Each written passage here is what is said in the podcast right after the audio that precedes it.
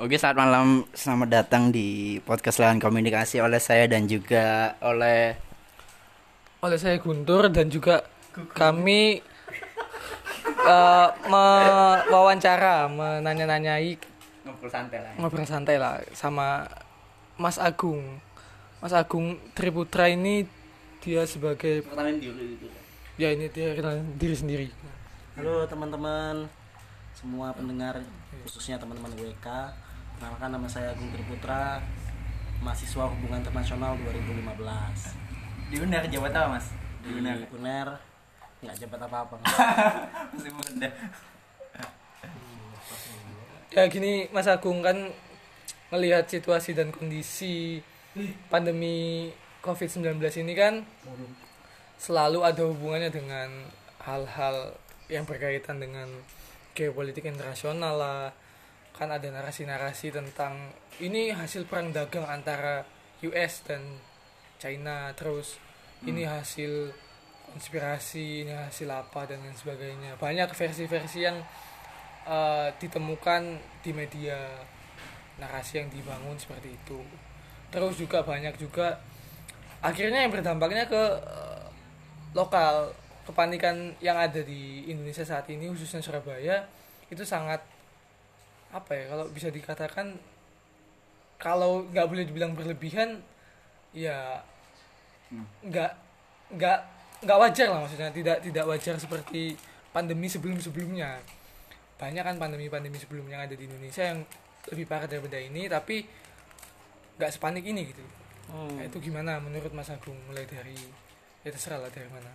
Oke jadi kalau kalau pertanyaan itu sebenarnya saya agak kurang sepakat sih Mas Guntur Oh, siap, siap. berkaitan sama apa namanya orang-orang Indonesia itu panik sama corona. Saya lihat kalau di Surabaya bahkan kepanikan itu cuma ada sekitar seminggu. Jadi waktu outbreak Maret. Maret, Maret minggu pertama masih biasa aja, minggu kedua itu sudah mulai panik semuanya. Itu stay-nya cuma seminggu. Minggu selanjutnya itu mulai nggak ada lagi, udah udah kayak biasa aja gitu biasa aja gitu loh Hmm. jadi kayak kalau kita lihat hari-hari sekarang di bulan April terakhir-terakhir ini bahkan orang-orang yang ada di Surabaya sudah mulai beraktivitas secara normal udah kayak kafe-kafe mulai buka lagi Hmm. berarti kan kalau dibilang panik ya ya kurang panik gitu loh dan kayaknya corona ini lebih tidak ditakuti daripada takut makan takut nggak makan gitu Iya, iya, iya. Jadi kayak orang-orang kalau di Surabaya atau di Indonesia sebenarnya lebih takut mati karena nggak makan daripada mati karena corona takut mati karena Ah. corona. Itu yang saya lihat sih. Nah, kalau berkaitan sama situasi global memang iya, memang iya. Tapi apakah situasi global itu memiliki dampak kepada masyarakat di Indonesia? Saya kira masih kurang. Toh pun kayak eh, pedagang-pedagang itu masih banyak yang berjualan dan lain sebagainya. Masyarakat-masyarakat yang ada di pedesaan ya seolah tidak mengerti apa itu corona dan lain sebagainya. Bahkan ada guyonan kayak eh, aku kan wis metu nang sawah terus mas, wis panas-panas. Kenapa corona ono nang aku? ya Nah, jadi kayak itu kayak semacam kalimat-kalimat yang mungkin bisa menenangkan mereka atau memang mungkin mereka sudah pasrah kan karena kematian hanya milik Allah. Itu kebanyakan pandangan orang-orang yang di Indonesia seperti itu gitu di loh. Surabaya ya. Saya juga ketemu sama orang-orang yang yang jualan-jualan nasi di pinggir jalan waktu beli nasi. Lu mas tanya kan nanya-nanya. Nggak takut corona. Apa mas di corona mas? Eh, di corona yuk gak mangan aku. Nah kebanyakan memang kayak gitu sih yang di Surabaya. Makanya kok banyak eh, narasi-narasi yang dibawa sama media-media eh, bahwa memang Indonesia ini sulit untuk dibilangin. Dalam artian kayak eh, kalau dikasih ancaman berupa teguran yo ditegur Marino ya wis abis itu sudah gitu loh Iya. kayak gitu Kan menarik juga kemarin kejadian yang ada di Surabaya itu ada orang yang positif Di Dia warung. keper kepergoknya di warung padahal dia Ah. sebelumnya udah rapid kan. iya udah Harusnya happy. dia aware dan karantina di rumah. Akhirnya kan semuanya kan jadi serba OTP ya semuanya? Susah Kan ada di situ. jadi jadi ODP juga dan lain sebagainya. Tambah susah kan mereka nggak bisa keluar keluar juga. Hmm. dan apa sih yang sebenarnya mendukung mendukung apa ya awareness dari para masyarakat ini seperti itu? Ya kebijakan pemerintah sendiri. Kenapa? Karena pemerintah seakan-akan masih kurang aware gitu loh. Masih kebijakan-kebijakannya masih kurang bagus dalam eh, apa namanya eh, mencoba untuk menyelesaikan corona ini. Tapi itu bukan apa namanya bukan hal yang perlu kita kritisi lah sekarang. Ya memang Hmm. sudah salah dan lain sebagainya. Kalau kita Apa nyala nyala no? nyalah nyalah no terus dan lain sebagainya tapi nggak ada Nggak ngapa-ngapain. nggak ngapa-ngapain ya percuma juga kan. Itu sih. Itu mas kalau misalnya ditanya ini apa namanya soal tadi kan sama yang bilang kan soal kepanikan Surabaya itu lebih takut nggak makan daripada corona ya kan? Iya. Ah. rata-rata orang Indonesia seperti itu. Kalau terus gini kan pemerintah ini kan ngeluarin narapidana banyak gitu. apakah itu mempengaruhi kepanikan juga untuk warga Surabaya?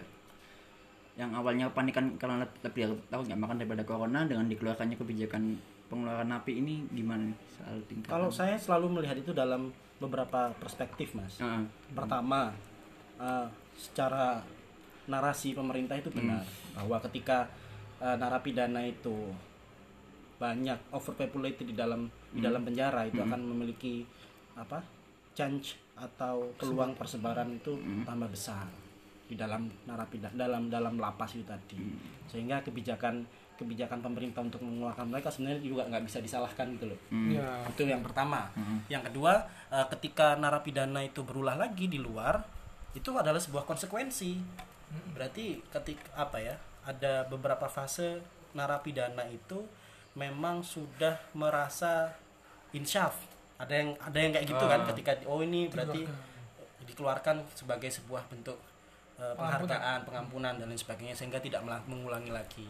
Ada mungkin di tahap narapidana itu tahapannya memang masih apa ya istilahnya masih perlu untuk melakukan itu dan belum insyaf masih memang itu su- sudah way of life mereka mereka memang ya memang sukanya mencuri dan sebagainya dan sebagainya akhirnya ya terulang dan ketiga ada juga orang-orang yang memang di penjara itu tapi ini mungkin agak susah kalau ada di Indonesia. Gimana, itu ada narapidana yang sudah cukup lama Hmm. ada di penjara misalnya sudah 30 tahun atau 40 tahun mereka dilepaskan.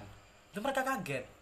Kehidupan mereka yang apa ya nyaman di penjara dikasih Sosialnya makan berubah gitu gratis ngaji terus dan lain sebagainya. Sam- sempat kan ada berita saya mencuri lagi saya kan karena pengen masuk penjara karena di dalam penjara Lebih diajarin enak. ngaji Oh. jadi dia pengen mendekatkan diri kepada Tuhan yang Maha Esa. Lebih nah, narasi di itu penjara. ada gitu loh. Ada. Jadi kayak jadi kayak memang banyak perspektif untuk melihat itu. Tapi ada perspektif lanjutannya. apa Pertama, ada kemungkinan pemerintah Indonesia itu ya itu tadi, balik ke pertama tadi, susah untuk mengingatkan masyarakat Indonesia akan bahaya corona. Hmm. Sehingga dibutuhkan sebuah instrumen ketakutan untuk Oh. untuk apa namanya mengendalikan situasi. Ketika narapidana itu dilepaskan dan orang kan Takut mau keluar. takut mau keluar akhirnya. Jadi kayak lah apa sih pemerintah ini kok ngeluarin narapidana dan sebagainya? Kebanyakan narasi seperti itu. Kebanyakan apa namanya orang-orang yang membahas bahwa ketika narapidana itu dikeluarkan nanti akan berulah lagi. Nah itu juga bisa jadi perspektif bahwa memang pemerintah melepaskan itu untuk mengendali- mengendalikan situasi Oh, jadi ketakutannya bukan hanya ketakutan corona tapi ketakutan kriminal. Nah, ini juga perspektif kan? iya Jadi ini saya takut banget untuk cerita kayak gini. Takutnya diciduk aparat kan karena kayak mengganggu stabilitas nasional, dan Nasional, sebagainya gitu. Nah, ini bisa jadi narasi juga kayak gitu. Bahwa memang butuh instrumen untuk agar pemerintah bisa melakukan tindakan lebih. Bahwa ketika ada banyak ketakutan di jalanan, kriminal dan sebagainya, polisi dan tentara bisa diperbantukan di sana. Sehingga situasi mulai bisa dikendalikan oleh pemerintah. Tapi itu kan most likely untuk terjadi. Mungkin kemungkinannya ada, tapi juga belum tentu terjadi. Karena membahas corona di Indonesia itu serba susah. Orang kalau nggak kerja nggak makan. ya Tapi kalau kerja kena corona. Nah akhirnya orang mau nggak mau. dilema itu. Iya dilema mau nggak mau ya kerja masih ono corona. Akhirnya pemerintah kan bingung. Hmm.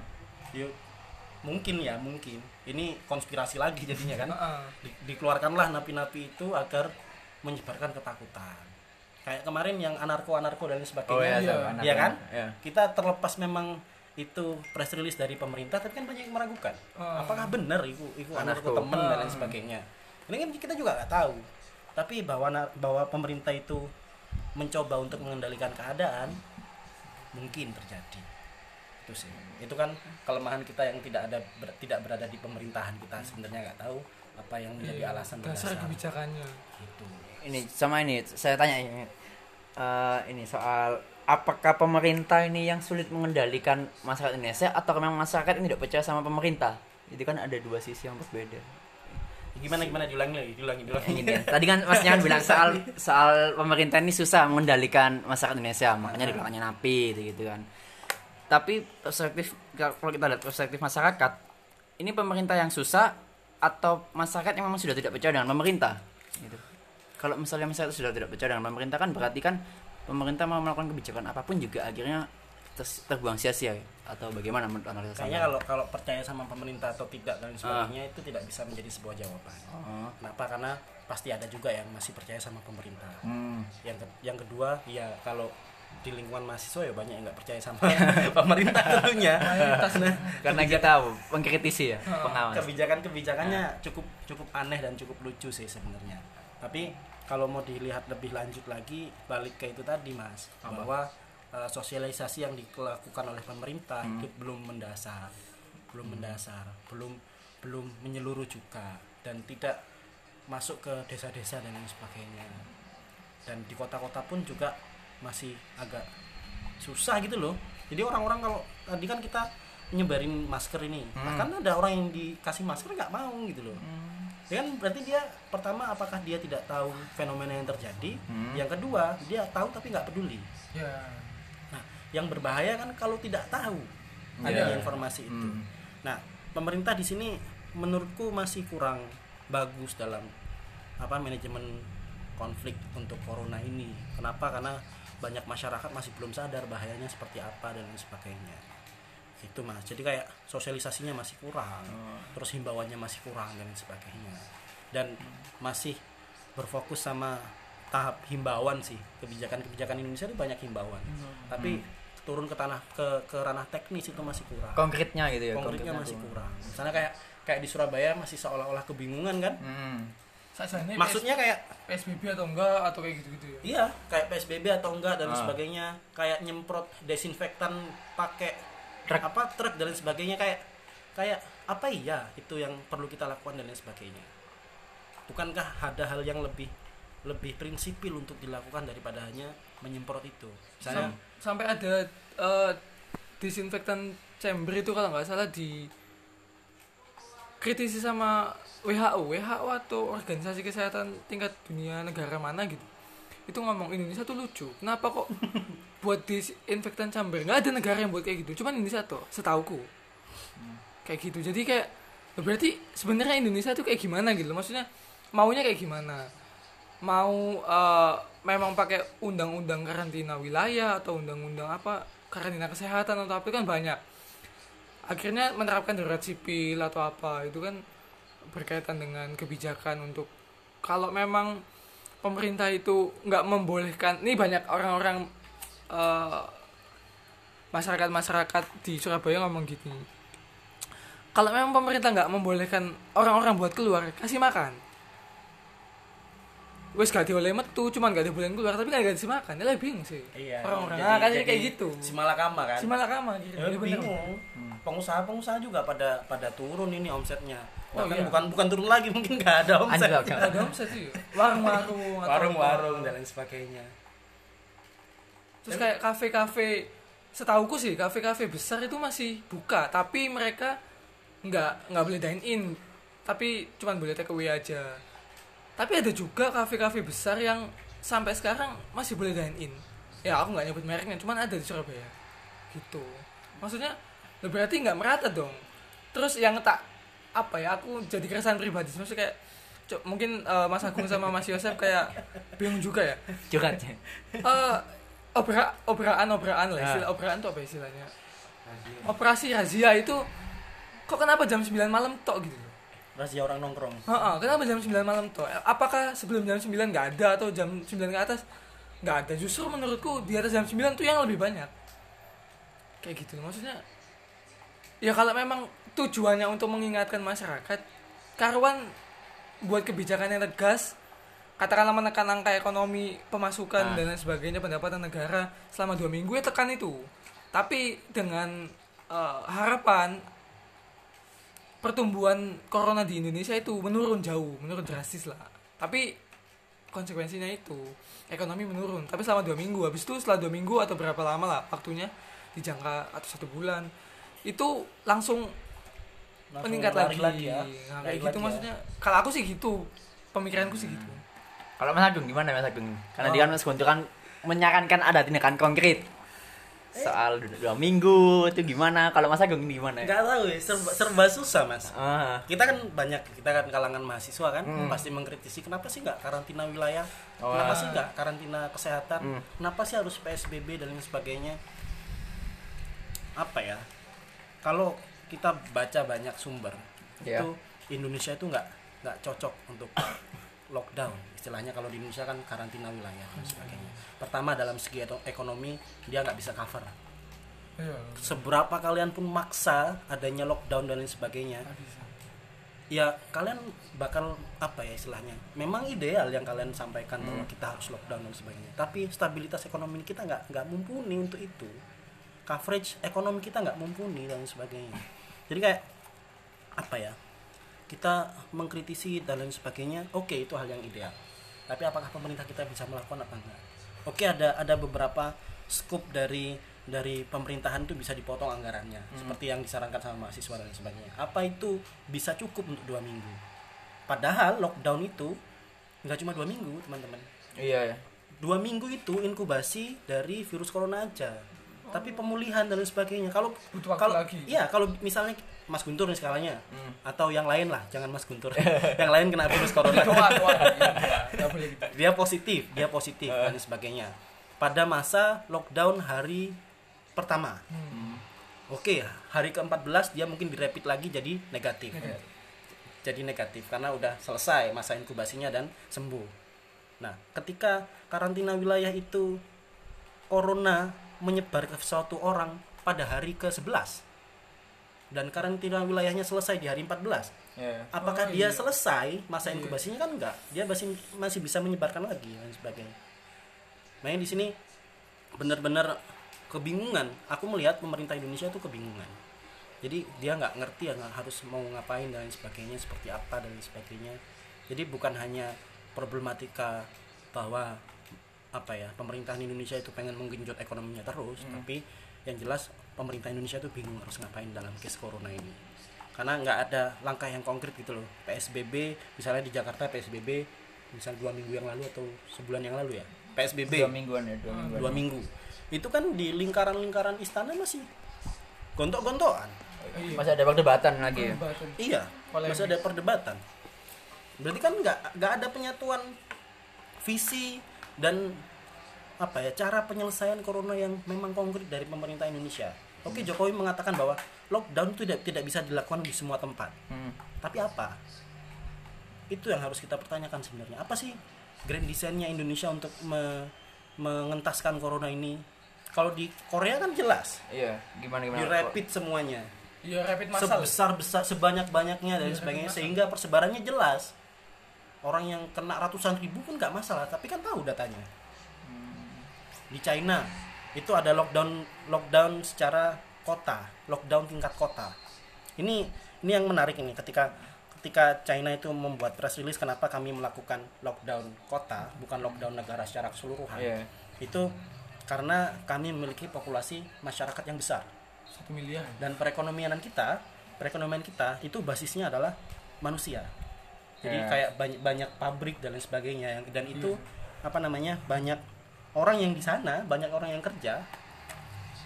Jadi rasionalisasi mereka mereka kenapa melakukan lockdown wilayah lockdown kota di Wuhan waktu itu agar ketika perekonomian di Wuhan down secara keseluruhan itu kota-kota yang lain bisa BKP. backup bisa melakukan subsidi silang dan lain sebagainya atau perekonomian apa itu dan sebagainya. Nah itu yang menarik di China kalau di Korea kan rapid sebesar besarnya Hmm. dan lain sebagainya. Nah Indonesia apa gitu? Kita rapid ya nggak ini kita pakai sampel aja karena penduduknya terlalu besar. Mau lockdown kenegaraan juga susah. Kenapa? Karena kita Negara- kenampakan wilayahnya juga kayak gini kan? Hmm. kepulauan dan sebagainya. Perekonomian kita nggak cukup. Terus apa namanya instrumen-instrumennya juga nggak mumpuni. Ketegasan pemerintah benar-benar dipertanyakan di sini itu sih. Kalau Amerika Serikat kan mereka benar-benar kelabakan karena mereka baru tahu. Iya, Iya. telat. telat. Ini mereka baru tahu karena tipe virus yang masuk ke mereka bukan tipe virus yang sama dengan yang ada di Cina. Oh. Sehingga ketika sampel itu sampelnya Amerika Serikat yang diambil dari Cina itu diteskan sama orang Amerika nggak cocok. Nggak cocok. Karena kan virus corona ini bermutasi dan ada Iya. beberapa gitu loh ada beberapa versi. Nah itu kenapa kok di setiap negara kebijakannya berbeda dan mungkin pasiennya itu membawa virus yang berbeda dari yang ada di Cina. Itu sih. Itu kan yang melonjak banget kan di Amerika Serikat sekarang ada hampir 600 ribu kasus positif corona. Itu Amerika Serikat. Nah Indonesia baru 5 ribu. 5 ribu itu apakah benar-benar ketahuan datanya atau banyak yang masih belum cover masih bersifat undercover? Apakah data yang konkret pemerintah Indonesia punya dan tidak disebarkan itu masih bagus gitu loh. Nah, pemerintah Indonesia punya data misalnya orang Indonesia kena 3 juta. 3 juta 3 juta penduduknya terinfeksi corona. Tapi yang mereka publish 5000 itu masih masih bagus gitu loh. Kenapa? Karena dia ngerti datanya. Yang berbahaya adalah ketika pemerintah Indonesia tidak mengerti datanya Datanya. dan menyebutkan bahwa itu 5000 padahal lebih jadi aslinya. seolah-olah mereka merasa benar oh, 5000 kok. Ah, tapi banyak yang mati nggak jelas matinya karena apa. Gitu loh mas. Jadi kayak kayak memang benar-benar pukulan telak ini bagi pemerintahnya Jokowi sebenarnya. Tapi ini bukan secara politis ya. Eh, memang soal secara penanganan ya. penanganan kesiapan negara dan lain sebagainya. Karena fokusnya memang nggak ke sana. Baru-baru ini kan mereka menggenjot omnibus law. Oh ya. masih bersifat perekonomian terus. Karena grand design-nya Pak Jokowi kan pengen membuat perekonomian Indonesia menyentuh dua digit. Dua digit. Jadi kayak pertumbuhan ekonominya. Iya jadi kayak nggak nggak nggak nggak fokus ke sana gitu loh. Padahal yang namanya negara harus fokus ke semuanya. Harus bisa mengcover semuanya. Itu sih kayak yang yang pengen dikritisin itu sih sebenarnya. Makanya ketika ketika ada wali kota wali kota yang mau menerapkan lockdown karena lockdown lokal ya. Heeh, karena apa namanya? Mereka sebenarnya tahu bahwa pemerintah pusat tuh memang belum mumpuni dalam menyelesaikan ini tapi mereka pemerintah itu memiliki narasi untuk membuat orang-orang bersih biar tenang gitu loh mas yang saya lihat Optimis, ya? optimisnya itu. ya. Ah, ah, optimis Membangun optimis. tapi yang di daerah Pesimis. bingung Pesimis. soalnya yang daerah bersentuhan langsung sama masyarakat iya Papua langsung lockdown kan waktu itu Heeh. terus apa namanya eh, kalau teman-teman lihat apa namanya Tegal tegal, Tegal, ya? loh. Tegal lockdown cepet kan waktu itu terus Jakarta masih belum boleh lockdown sama pemerintah pusat masih iya soalnya kan wilayah terbesar wilayah waktu ter- itu terbesar dan Pusat. epicentrum semua hal iya ini yang yang Ibu perlu kota, kita kritisi juga dari Indonesia kalau di di Cina itu mereka punya Beijing Oh. Punya iya, iya. Shanghai. Paham, paham. punya Wuhan itu establish perekonomiannya dan mereka punya spesialisasi sendiri ada Hong Kong ada Makau Hmm, hmm. ya kan Iya. mereka menyumbang banyak perekonomian juga Di- kalau di Amerika Serikat ada ada Washington pemerintahan ada York. New York California ada California New Jersey ada LA LA. judi-judi kan ya kalau nggak salah Miami. Miami. jadi kayak kayak apa perekonomian di sana tersebar tapi kalau di Indonesia tempat pemerintahan di Jakarta. Mode di Jakarta. Pusat perekonomian. perekonomian di Jakarta. Kantor-kantor di Jakarta. Ya. industri-industri besar juga di sana. Kalau Jakarta ditutup seolah-olah Indonesia ketutup semua gitu Iya. Ah, ibu kota. ya. Jadi kayak kayak ya teman-teman mahasiswa harus melihat multi perspektif. Jangan hanya melihat bahwa pemerintah nggak mau lockdown wah ini tambah besar ini per, ini ini adalah tanggung jawab pemerintah untuk melakukan semua ini dan sebagainya. Ya saya kira mahasiswa bisa melakukan lebih dari itulah. Lebih dari hanya mengkritik pemerintah ini memang kalau bagiku Hmm. ini adalah waktunya pemerintah mahasiswa untuk membuktikan tridharma perguruan tingginya Jadi Oh, kayak, kenapa sih seolah-olah kita hanya mengkritisi masalah politik terus iya Iya. iya, benar. tapi ketika dihadapkan dengan seperti ini kita nggak ngapain gitu loh banyak ya ngapunten ini ini bukan bukan bukan kritik tapi hanya pemikiranku aja Ah. bahwa banyak dari kita masih pengen di rumah aja masih banyak banyak dari kita masih gak peduli dan sebagainya. Bahkan masih banyak dari kita masih minta sembako dan lain sebagainya. Oke itu adalah hal yang harusnya kalian miliki. Tapi buktikanlah bahwa kalian benar-benar bersama masyarakat. Buktikanlah bahwa mahasiswa itu memang bergerak bersama masyarakat. Jadi ketika kritik kepada pemerintah sudah apa ya hal yang jenuh bagiku. Karena memang ya pemerintah memang pasti gitu-gitu aja. Pasti gitu-gitu aja tapi ayolah kita mulai mulai mulai kayak Mas Guntur gini nyemprot nyemprot desinfektan gitu kan. Mulai mulai kayak temen-temen bagi-bagi masker dan lain sebagainya sembako terus ini ini puasa bagi-bagi takjil. Puasa bagi-bagi takjil. Itu kan memang real bersama masyarakat. Real tidak ada kepentingan. Ah. tidak ada yang perlu disorot. Oh ya. Tidak ada Jangan- momentum ya. jangan hanya karena pemerintah jelek terus kita kritisi kita naik Oh iya iya. sama iya. aja Iya, gitu loh sama aja sih. itu sih otokritikku untuk diriku sendiri dan untuk mahasiswa secara keseluruhan sih aku nggak mau melihat apa ya ya ini sudah waktunya kita bergerak benar-benar bersama masyarakat gitu sih kan crowdfunding masih bisa semuanya masih bisa karena kan kasihan kalau aku lihat nih mas ya Iya. aku lihat ya ini ini tahapan tahapan tahapan corona tahapan Siap. tahapan corona Siap, siap. di di Indonesia minggu pertama kita masih tenang-tenang aja Ah. minggu kedua kita mulai susah minggu ketiga kita mulai biasa aja Hmm. minggu keempat banyak yang positif kenapa karena kita nggak bergerak sama masyarakat masyarakat Indonesia itu masih banyak yang belum pakai masker Ah. Iya kan Masih- barusan. Di, masih. iya ditetapkan kan barusan. iya masih masih Masker masih belum banyak yang suka cuci tangan pakai sabun habis ini dan sebagainya. Sebenarnya peran mahasiswa kan banyak sekali di situ. Hmm. bisa Langkah preventif ya pencegahan, apa ya edukasi. apa ya edukasi. untuk cuci tangan edukasi tentang corona corona itu bisa mati karena sabun dan sebagainya.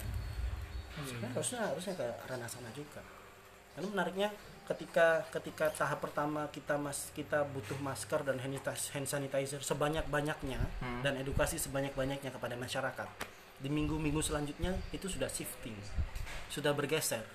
Kebutuhannya bukan lagi masker karena masyarakat sudah mulai banyak pakai masker.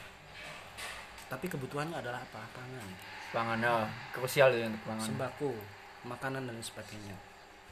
Apakah apa ya nah, saya kira pemerintah juga memikirkan hal itu. Tapi apakah kita secara bersama eh, memikirkan itu? Ini menjadi pertanyaan besar. Jadi kalau mau apa ya bahas tentang mahasiswa ya dibahas aja sekalian semuanya gitu. Oh, siap, siap. jadi eh, kebutuhan masyarakat Indonesia minggu-minggu ke depan itu sembako. Sembako bahan pangan makanan dan sebagainya. Karena sudah mulai masuk puasa juga Untuk mahasiswa ini, apa yang perlu bisa dilakukan untuk membantu misalnya kebutuhan pangan, sembako? Kan mahasiswa kan juga sebagai penyambung lidah rakyat untuk pemerintahan juga tuh. Kira-kira apa yang menurut Mas Agung? yang paling simpel dan bisa dihargai adalah pertama Iya. stay di rumah aja tentunya kalau yang punya passion rebahan ya rebahan itu sudah sangat bisa diapresiasi pertama Siap, siap. Eh, tingkatan kedua join jadi relawan mas oh iya ini relawan. jadi relawan jadi ayolah jangan hanya mengkritisi pemerintah bantu pemerintah untuk menyelesaikan permasalahan ini yang ketiga misalnya kalian punya grand design program Hmm. menintegrasikan antara data dari dari masyarakat yang membutuhkan sembako dan sebagainya kepada pemerintah sehingga pemerintah bisa tepat sasaran Hmm. dan gerakannya menjadi tidak sporadis Oh. kalau sporadis kan eh, kadang orang yang sudah dapat bisa dapat lagi Ah. ada yang nggak dapat sama sekali gitu kan Ah, Nah, kita butuh butuh orang-orang yang memang punya pemikiran ke sana sih. Itu harus mulai dipikirkan sama mahasiswa Indonesia, khususnya eh, teman-teman yang ada di badan eksekutif mahasiswa-mahasiswa itu. Jadi kayak ya ya perlulah ini Eh. tiga hal ini. Pertama jadi relawan dan sebagainya, itu lain sebagainya. Toh kalian punya mitigasi untuk menyelesaikan pada diri kalian sendiri. Misalnya kalian merasa kena corona, ya udah kalian di rumah aja. Jangan membayarkannya orang lain gitu. ya. Nah, atau kalian memutuskan untuk bagi-bagi sembako ya sebelum bagi-bagi cuci tangan setelah bagi-bagi cuci tangan atau mungkin kalian punya instrumen masker dan mungkin sarung tangan itu bisa dipakai kayaknya ya sebenarnya banyak gitu loh yang bisa dilakukan sama mahasiswa daripada hanya hanya apa ya eh, upload upload story di Instagram. Tapi nggak apa-apa sih itu senang juga. Hashtag di remaja ya. Di sini kan cantik cantik juga TikTok jadi gitu sih kalau kalau peran mahasiswa itu bagiku ada tiga. Pertama bisa di rumah aja. Heeh. itu membantu dalam membatasi penyebaran. Jangan kongko kongko nongkrong nongkrong dan sebagainya. Terus yang kedua bisa join relawan kalau memang tidak punya kemampuan secara material atau apa namanya jaringan untuk menye- apa ya membantu eh, kita untuk menyelesaikan permasalahan ini. Yang ketiga kalau punya program bagus ayo dilakukan bersama kita pikirkan bersama dan sebagainya. Karena kan eh, kalau mahasiswa kan masih muda-muda Hmm. masih kuat dan sebagainya. Insya Allah nggak bakal apa-apa kok. Asal kalau sudah nyampe rumah mandi aja. Siap. sabunin semuanya gitu. Sehingga bisa berkumpul sama orang tua. Itu sih mas. Kalau untuk mahasiswa Guntur ini gimana? Ada pendapat soal mahasiswa ini mesti ngapain sih ke depannya? Kalau dari Mas Agung ini kan begitu, ada tiga saran. Nah, kalau aku sih mahasiswa khususnya kan eh, yang paling deket sama masyarakat katanya. Seharusnya kan masyarakat itu diberikan edukasi gitu, dikasih tahu virus corona itu apa dulu gitu loh. Maksudnya setelah terinfeksi virus corona itu manusia jadi kayak apa gitu. loh. Ah, Maksudnya jenis penyakitnya seperti apa? Kan banyak orang belum tahu. Mm-mm, sepakat Sepengetahuanku banyak orang belum tahu, masyarakat belum tahu corona itu apa sih? Wong corona itu lu. Ya bukan flu biasa sih, memang flu, cuman eh, lebih apa ya? Lebih mematikan lah ibaratnya Hmm. gitulah. Bahasa sederhananya lebih mematikan. Nah, orang-orang tuh cuma tahu corona, corona, corona, tapi nggak tahu corona itu apa gitu loh. Setelah kamu kena corona, terus kamu kenapa gitu. Nah, itu yang pertama. Yang kedua, seharusnya mahasiswa itu nggak waktunya mikirin dirinya sendiri. Setauku mahasiswa sekarang itu yang dipikirin ih kiki internetku ya apa ya Ki? kelas apa apa kelas online atau apa itu. Ya alhamdulillah sekarang lah udah nggak nggak ada kelas kan jadi. Katemu katemu ya nggak ngurus kayak gitu. Kalau itu di anu lah di dibahas di nanti lah kalau UKT apa itu. Kan banyak sih orang-orang yang kayak bahas kelas bahas apa. Mahasiswa masih uh, seputaran di sana. Ya bukan nggak boleh cuman ya jangan itu jad- dijadikan bahan utama pembahasan gitu loh. Mbok ya bahas nanti teman-teman ini mau bagi-bagi sembako di mana sasaran-sasaran uh, untuk penyemprotan disinfektan pembagian masker atau pembagian apa yang sekiranya berguna gitu loh buat APD APD APD di Indonesia Dari- kekurangan sampai iya. impor sampai beli banyak dari luar. bikin padahal. UMKM UMKM banyak kok yang bikin. Setahu sih ada sih anak uner yang masuk detik.com kalau nggak iya. Kalau Unek ini kan Mas Agung ini kan sebagai pressman yang bangga kita nih. Uh, susah susah. Ya, seharusnya kan kampus-kampus yang lain tuh bisa mencontoh kampus-kampus yang dijadikan role model gitu. Maksudnya ada sekiranya eh, rumah sakit yang dijadikan rujukan kayak rumah sakitnya uner terus eh, UMKM UMKM yang membuat masker membuat APD membuat apa untuk langkah-langkah preventif lah. Hmm. yang harus dilakukan mahasiswa sekarang itu langkah-langkah preventif edukatif sebenarnya lebih ke sana sih. Bukan malah ya tadi banyak yang nongkrong atau apa. Ya kalau memang katakanlah mau nongkrong tetap physical distancing sebagaimana prosedur yang dikatakan pemerintah. Kursinya berjarak 2 meteran. berjarak 2 meter 1 meter. Ya nggak tahu kalau di warung teriak-teriak atau apa ngomong pakai megafon. Ngomong pakai megafon. Wah kalau ngomong-ngomong pakai megafon tuh kayaknya ya kayak semacam segitulah pokoknya kalau ngomong pakai megafon maksudnya kan kayak seharusnya uh, udah waktunya masyarakat mahasiswa itu bersatu bersama nggak usah saling salah menyalahkan. Setauku sekarang itu momen salah-salahan gitu. Sepakat aku. Jadi ada kesalahan Gimana, dikit gimana? Momen ada kesalahan kesalahan dikit dari pemerintah. Setelah pemerintah sekarang pasti serba salah. Apa pun yang dilakukan pasti pasti Tapi salah. memang salah. Memang salah. Iya. tapi dijadikan lebih salah. Contoh menteri kesehatan menteri kesehatan ini ke mana gitu. menteri kesehatan tidak membuat kebijakan yang berarti gitu loh buat Ah. uh, nasional kan menteri kesehatan kan membawahi seluruh dinas kesehatan yang ada di seluruh provinsi kan seharusnya melakukan kebijakan-kebijakan menurut daerahnya masing-masing dong jelas beda kebijakan di DKI sama kebijakan di Sulawesi di Sumatera di Kalimantan di Papua di Jawa di Jawa Timur Jawa Tengah Jawa Barat punya kondisi sosial masyarakat yang beda-beda. Otomatis kebijakan juga beda-beda. Nah makanya beberapa wali kota wali kota menerapkan lockdown lokal istilahnya. Ya mereka nggak salah juga sih karena mereka ngelihat pusat. Kok nggak?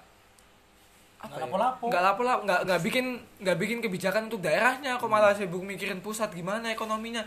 Ya memang harus dipikirin. Cuman kan ada menteri banyak kan menteri di Indonesia. Menteri perekonomian pariwisata dan sebagainya kesehatan. Mbok ya mikir sesuai dengan tugasnya masing-masing gitu loh jadi biar bahu membahu untuk eh, membasmi atau mungkin mencegah setidaknya menekan angka pertumbuhan COVID-19 ini dulu kan kalau untuk menghilangkan sulit lah kalau untuk saat ini menarik kan Mas Guntur sebenarnya misalnya ketika mahasiswa ini kan banyak kan mahasiswa yang balik ke daerah-daerah itu kan Ah. banyak kan ya Hmm, Banyak ya. tahu. lockdown eh lockdown mudik bukan pulang kampung. Beda loh ya mudik sama pulang kampung. Coba teman-teman lihat. Jadi kalau teman-teman mau pulang kampung itu pas dicegat di stasiun atau di mana transportasi umum Bilang. gitu. jangan bilang mudik bilang pulang kampung. Mas sekarang ada kebijakan mas atau mbak nggak boleh ibu atau bapak nggak boleh ada uh, mudik nggak boleh. Sekarang pemerintah nggak boleh memper- tidak memperbolehkan mudik. Duh, tapi pemerintah tidak melarang pulang kampung setahu sih gitu ada nanti cari lah informasi- pernyataannya Pak. Jokowi ini Pak Itu Jokowi saya bilang terus terang ini menarik pernyataannya Pak Presiden langsung ya. bilang Jadi teman-teman punya perlindungan yang paling tinggi. Saya ya itu kan beda kan kalau apa namanya mudik sama pulang kampung Beda loh itu. Tanya Pak Presiden beda tapi pernyataan saya konteksnya nggak ke sana Mas Guntur Mas Guntur yang nyatakan ke sana Tapi kan alhamdulillah, maksudnya teman-teman yang mau pulang kampung yang bingung, ah nggak boleh pulang kampung, homesick, kangen sama keluarga, kangen sama orang tua. Ya kalian udah udah dapat persetujuan jangan dari pernah bilang mudik bilang pulang kampung kalian udah dapat persetujuan langsung dari presiden. Jadi ya langsung aja pulang. Pas pas dicegat bilang aja, "Loh, saya pulang kampung kan mudik pak. Loh, apa bedanya mas? Loh, berarti bapak nggak nonton berita. Ya? Bapak siap dicopot Pak Jokowi kalau siap enggak kalau memang siap silahkan gitu aja karena memang real lah, kita di sini nggak nggak ngomong hoax nggak ngomong apa nggak ngomong apa apa yang berbau-bau politik. Enggak ya memang faktanya gitu. Enggak Mas Guntur. Aku arahnya nggak ke sana tadi Mas Guntur. Arahku sebenarnya kayak gini. Jadi ketika banyak mahasiswa yang lagi ada di daerah itu kan bisa sinergi sama pemerintah daerahnya. Ah. misalnya mau bagiin sembako pak biar kita yang bagiin dan lain sebagainya kan bagus gitu loh. Ini ini terlepas dari dari apa ya istilahnya pandangan-pandangan kesehatan bahwa mungkin penyebarannya nanti bertambah dan sebagainya. Tapi seenggaknya ada pikiran dari mereka bahwa mereka mau membantu. Ketika mereka misalnya bikin relawan untuk ke dinkes pak saya punya relawan ini teman-teman mahasiswa yang ada di daerah. Gimana kalau kita bikin edukasi kepada masyarakat? Bukan keren kan? Hmm. Gitu. Kalau kalau mau membahas dari pulang kampung dan lain sebagainya itu saya no comment. No comment. kan ada organisasi-organisasi mahasiswa daerah. Seharusnya kan organisasi mahasiswa daerah itu bisa bekerja sama sama pemerintah daerahnya gitu loh. Tapi sekali lagi bekerja samanya memang harus murni. Dalam artian melihat kondisi masyarakat yang ada di sana. Katakanlah di wilayah mana. Emang ada kerjasama yang nggak murni? ya. Ya begitulah itu pastilah ini kan chance Contoh contohnya gimana? chance atau kesempatan. Contohnya yang paling gampang awal-awal timbulnya corona ini harga masker satu dus Ah, itu bisa sampai juta-jutaan. Yang awalnya cuman ratusan ribu atau bahkan puluhan ribu itu bisa sampai juta. Nah atau mungkin gini juga mas Guntur. Jadi mahasiswa-mahasiswa yang ada di daerah itu mulai menggandeng UMKM kan nggak masalah bikin masker kain terus dijual. Ya nggak masalah memang memang butuh untuk UMKM-nya tapi kalau untuk menimbun masker yang untuk tenaga kesehatan yang Ya, disuplai itu. sama pabrik dan sebagainya itu ya jangan dilakukan lah oke kalian bisa memperkaya diri tapi mungkin nggak lama ya, paling kayaknya cuma beberapa bulan aja Kalau kalau masker kain kalian bekerja sama UMKM misalnya harganya 2000 kalian jadikan 3000 nggak masalah atau jadikan 5000 nggak masalah. Kan membantu UMKM juga gitu sih. Jadi Ya, ini sudah- banyak yang bisa dilakukan sama mahasiswa. berarti kan langkah preventif sekaligus langkah solutif juga. Solutifnya kan untuk perekonomian di desa-desa Hmm. itu juga terbantu. Dalam artian eh, pemerintah daerah tuh nggak pusing-pusing banget lah. Apalagi pemerintah daerah yang wilayahnya itu per- perbatasan laut ya perbatasan darat kan bingung dia. Otomatis kan bingung. Dari laut nggak mungkin di stop untuk pemasukan katakanlah ada barang-barang Hmm. apa yang berkaitan dengan sirkulasi ekonomi dari darat pun seperti itu nah makanya PSBB Tol nggak ditutup mas, tol tetap nggak ditutup tapi dibatasi. tol tetap nggak ditutup Nah itu pernyataannya gitu? Pak Menhub kan. Eh, Ah ya, itu Nggak Pak. ditutup, tapi Pak, dibatasi. Saya takut nyebut namanya. takutnya takutnya pemer eh, soalnya masyarakat Indonesia ini kan apa yang dibilang pemerintah itu kayak kayak nggak percaya gitu loh ya memang nggak percaya bukan nggak percaya sih memang apa apa lucu aja gitu banyak eh, awal-awal itu yang kita bahas tentang konflik antar pemerintah yang satu daerah pengen lockdown lokal karena merasa daerahnya udah zona merah yang pusat bilang jangan dulu kamu kok buat buat kebijakan sendiri sih gitu pusat lo belum bilang kebijakan apa-apa karena kamu kok udah buat kebijakan sendiri iya, memang kita ya juga susah Mas sebenarnya Mas Guntur untuk menyalahkan pusat juga. Karena yang dipikirkan kan banyak.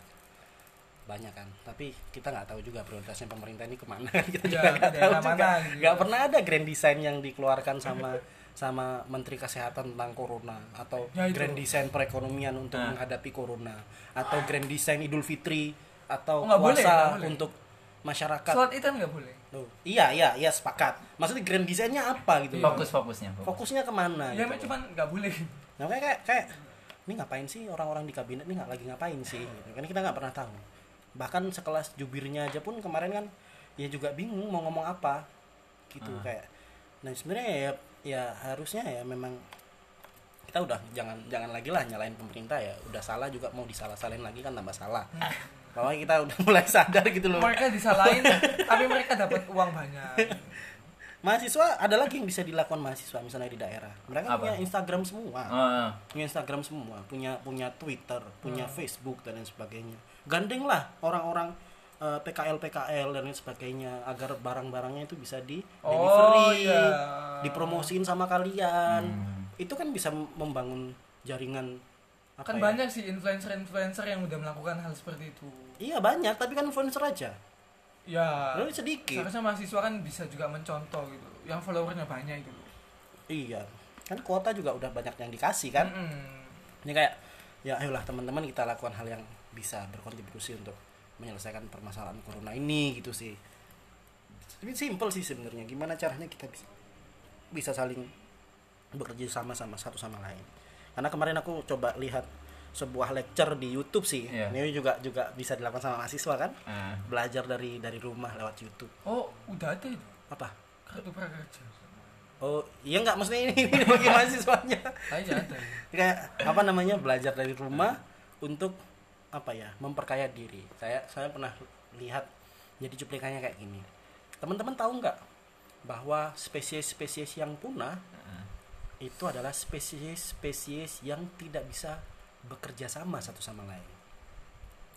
Contohnya dinosaurus dan lain sebagainya. Yang kedua spesies-spesies punah itu karena manusia. Jadi ada dua tesis ini. Bahwa tapi saya pengen ambil tesis pertamanya bahwa ketika kita memang benar-benar ini ada pandemi pandemi kan bersifat global Hmm. semuanya kena. Bahkan di Ekuador kemarin laporan satu malam itu 5000 orang yang meninggal. Sampai ada di di jalanan-jalanan kota nggak ada yang berani untuk ngangkat. Sampai kayak gitu kan. Jadi melihat dari tesis pertama tadi kita untuk menyelesaikan corona ya kerjasama. Kalau kayak negara-negara seperti Amerika Serikat mereka perekonomiannya bisa ngangkat apa ya permasalahan corona ini. Mereka punya billion Hmm. dollar untuk untuk untuk menyelesaikan corona. Jadi seenggaknya mereka masih masih bisa tenang gitu loh. Tapi Indonesia dari mana? Hmm. kalau nggak masyarakatnya bahu membahu satu sama lain. Kalau mahasiswanya masih fokusnya ke sana-sana aja. Jangan mentang-mentang udah jadi negara maju? Udah nih di negara maju Indonesia. Iya, diklaim sebagai negara maju Aduh, susah susah masa susah. ya pemikirannya masyarakat negara maju masih kayak negara berkembang gitu maksudnya eh, ya itu sih salah satu langkah ekonomi langkah edukatif dan lain sebagainya banyak sih yang sebenarnya bisa dilakukan sama Iya, teman-teman iya. mahasiswa masyarakat umum untuk bekerja sama udahlah maksudnya eh, narasi-narasi yang menakutkan tuh jangan jangan tambah disebar gitu. jangan tambah disebarin gitu boleh disebarin yang positif positif aja gitu kok yang disebarin narasi-narasi menakutkan ya mati terus nanti ah ini yang aku sedikit miris Apa-apa? ada di beberapa daerah apa ya orang meninggal itu ya belum tahu dia karena corona tambah apa enggak sampai dile- dilemparin waktu apa pemakamannya itu Oh, dilempar batu. Lempar batu, Ambulansnya ambulan juga. dilempar Iya. batu. Itu Itu sampai- tanggapan gimana tanggapannya di Su- itu? supir ambulan kan sampai diwawancarai sama media-media nasional Iya. kan coba seandainya kalian tahu pekerjaan kami mem- membawa berapa orang dalam satu hari itu pasti kalian akan aware gitu loh. Tapi faktanya kan nggak aware itu dari pemer- eh, apa dari supir ambulan terus juga dari dokter-dokter. Banyak kok dokter-dokter yang meninggal karena bukan karena corona kecapean. Kalau yang tak lihat di media sih gitu. Hmm. Tapi media juga banyak menyebarkan bahwa dokter ini meninggal karena corona. kalau menurutku lucu aja sih soalnya Aku tawa lucu berarti.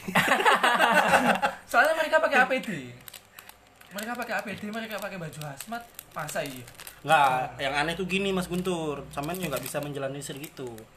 Ada beberapa kas, ada mungkin jangan beberapa ya, satu Ya. aja yang ke expose bahwa pasien itu nggak ngaku tentang Oh, riwayat Mana? perjalanannya, Ah, riwayat interaksinya ah. dia ngaku. Akhirnya semua dokternya kena. dokter kena. benar-benar Ada 46 makanya bukan salah. dokter kan berarti. Ya ya memang dari dari proses sosialisasi dan edukasi kepada masyarakatnya pemerintah pusat kurang.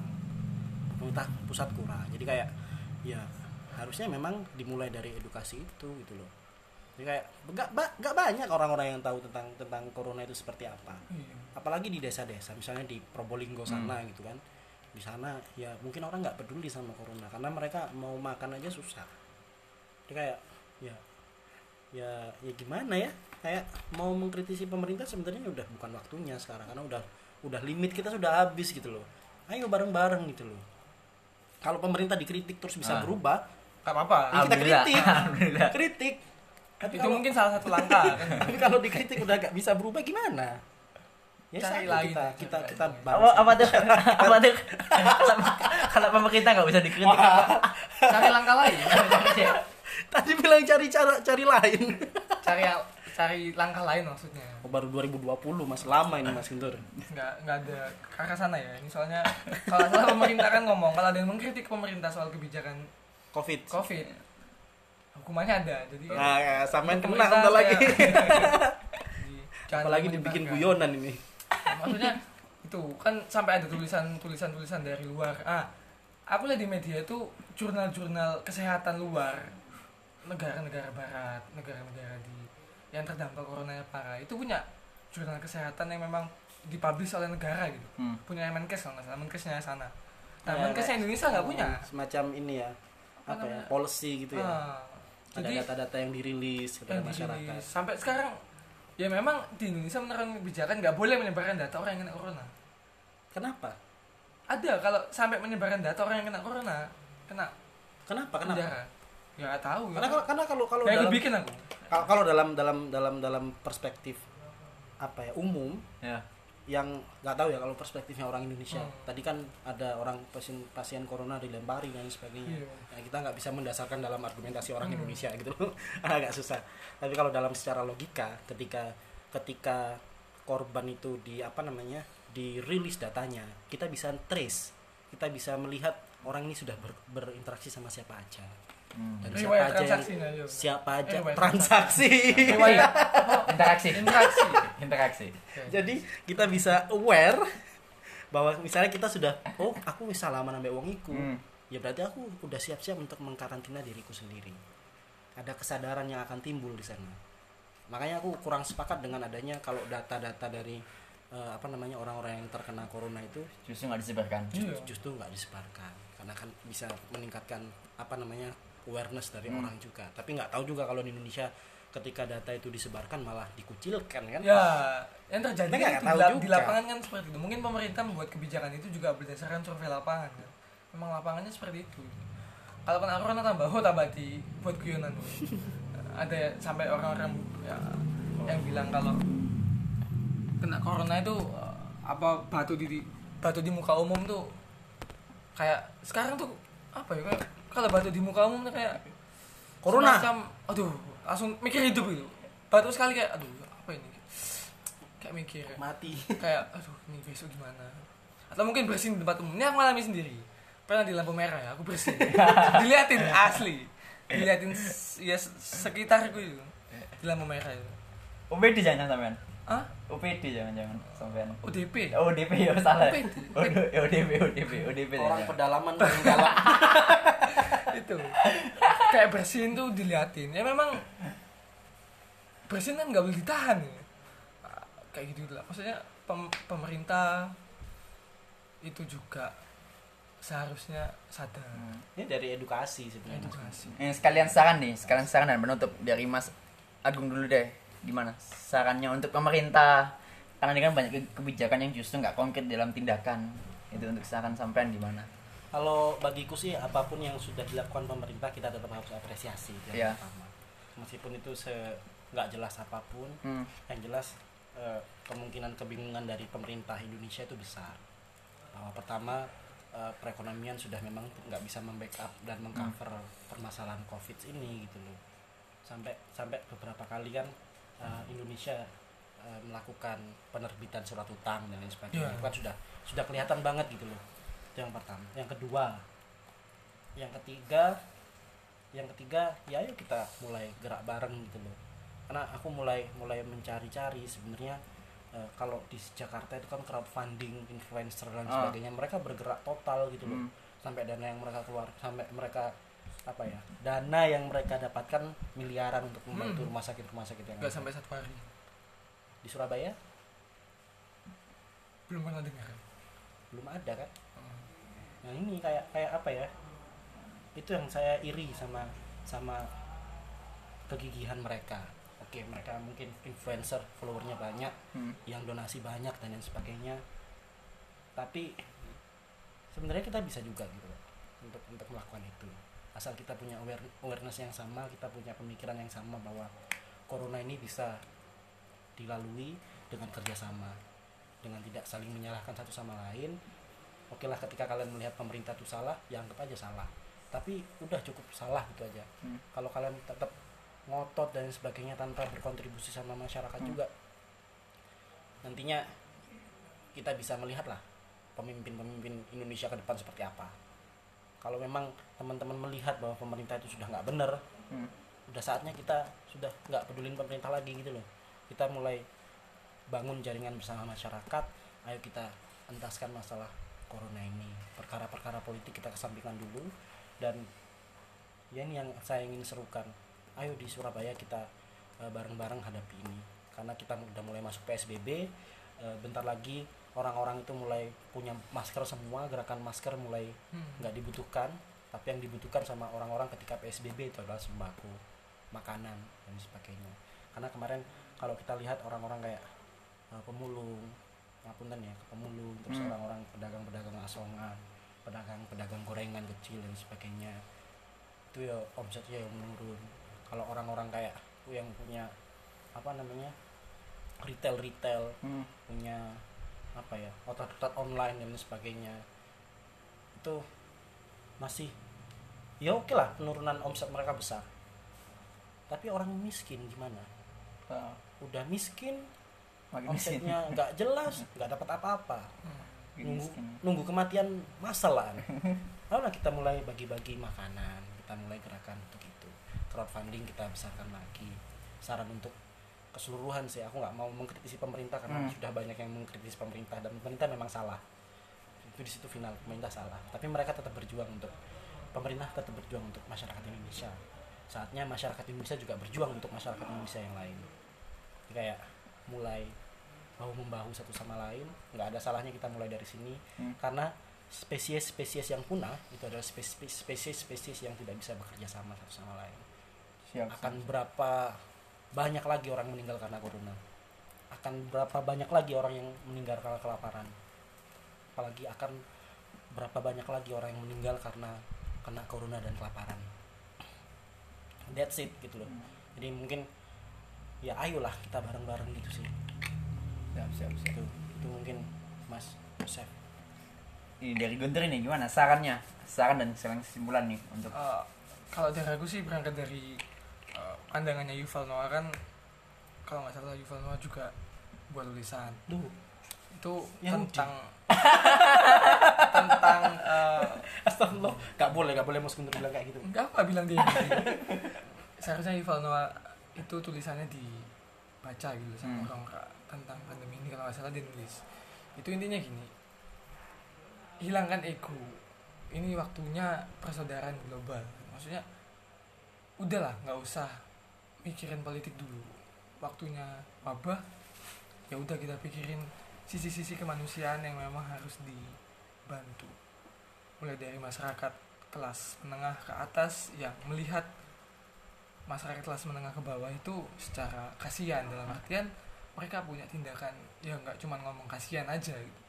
Ada tindakan-tindakan konkret yang dilakukan bagi-bagi sembako kayak atau mungkin uh, dari sisi influencer itu juga menjual produk-produk yang sekiranya jarang laku atau omsetnya menurun drastis karena pandemi ini. Terus untuk mahasiswa mahasiswa juga melakukan gerakan-gerakan langkah nyata gitu. Sebisa mungkin mahasiswa yang ada di Indonesia ini bergerak bersama gitu. Untuk mengedukasi masyarakat memberikan apa ya narasi-narasi preventif atau pencegahan supaya masyarakat itu juga aware bahwa corona ini memang berbahaya.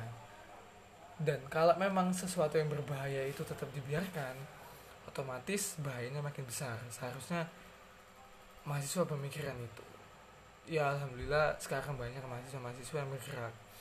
Mulai dari gerakan-gerakan pembagian masker pembagian sembako terus gerakan APD dan lain sebagainya donasi banyak mahasiswa melakukan itu ada juga gerakan-gerakan razia gerakan Hmm. obraan tuh ya nggak apa-apa sih itu kan sebagai langkah Hmm. preventif langkah pencegahan terus untuk pemerintah kalau aku sih satukan visi aja lah dulu Ah. satukan visi buat grand design yang memang benar-benar ideal untuk pusat pusat memikirkan daerah-daerahnya kepala daerah memikirkan masyarakat di daerahnya kepala pemerintahan pusat memikirkan bagaimana caranya grand design tutup lubang gali lubang untuk ekonomi global maksudnya ekonomi negara Hmm. Indonesia saat ini ya itu sih Hmm. jadi tetap stay di rumah aja juga tetap melakukan langkah-langkah konkret yang produktif Oke, gitu. Oke, eh, terima kasih. Beri- eh, tadi obrolan kita terkait dengan analisa dan himbauan dari Mas Agung selaku Presiden Mahasiswa Universitas Erlangga. Eh, mungkin teman-teman bisa mengambil ilmunya dan juga untuk himbauan positifnya mungkin bisa dilakukan juga. Eh, sekian podcast layan komunikasi. Terima kasih.